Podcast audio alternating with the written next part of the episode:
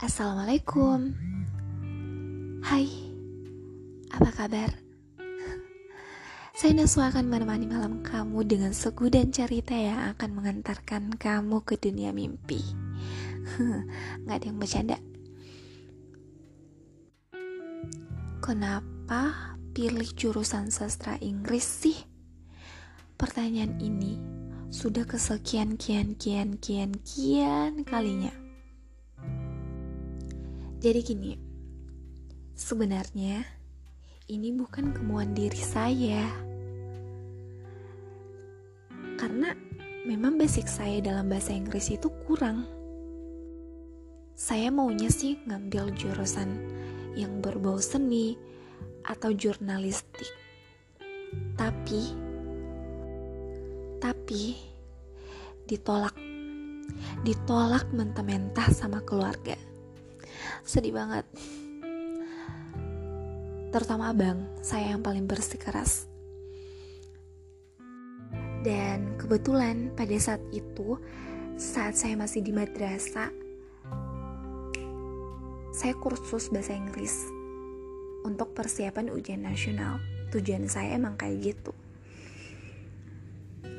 Tapi abang saya kok ngomong kayak gini kamu tuh percuma kursus bahasa Inggris kalau nggak digali terus. Makanya, kamu harus masuk jurusan bahasa Inggris. Apes. Saya pertimbangkan, saya berpikir. Tapi kalau mau lihat, tapi kalau kita mau lihat ke belakang tuh kayak gini. Selama ini saya kursus bahasa Inggris, saya berasa kayak tidak merasakan kesulitan yang sangat ini, kesulitan yang sangat mendalam, ya.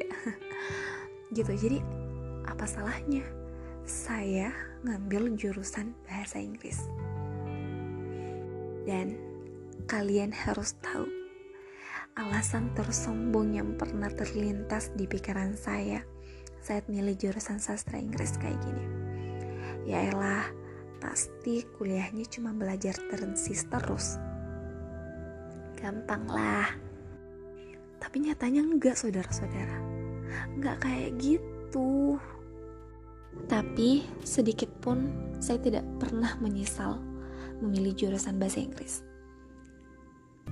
Khususnya sastra Inggris. Kenapa?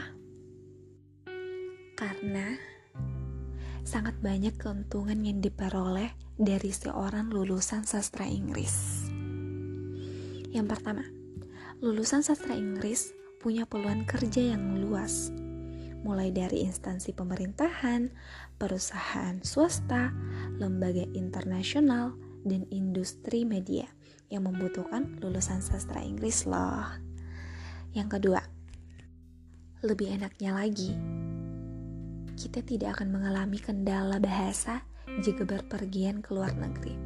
Selain punya pemahaman yang baik mengenai berbagai kesusastraan, kamu juga memiliki wawasan yang luas soal budaya, ekonomi, politik, sejarah negara-negara asing. Gimana? Asik kan? Mungkin ceritanya sudah sampai di sini dulu ya. PTW, terima kasih ya sudah mendengarkan podcast dari saya. Dan selamat malam.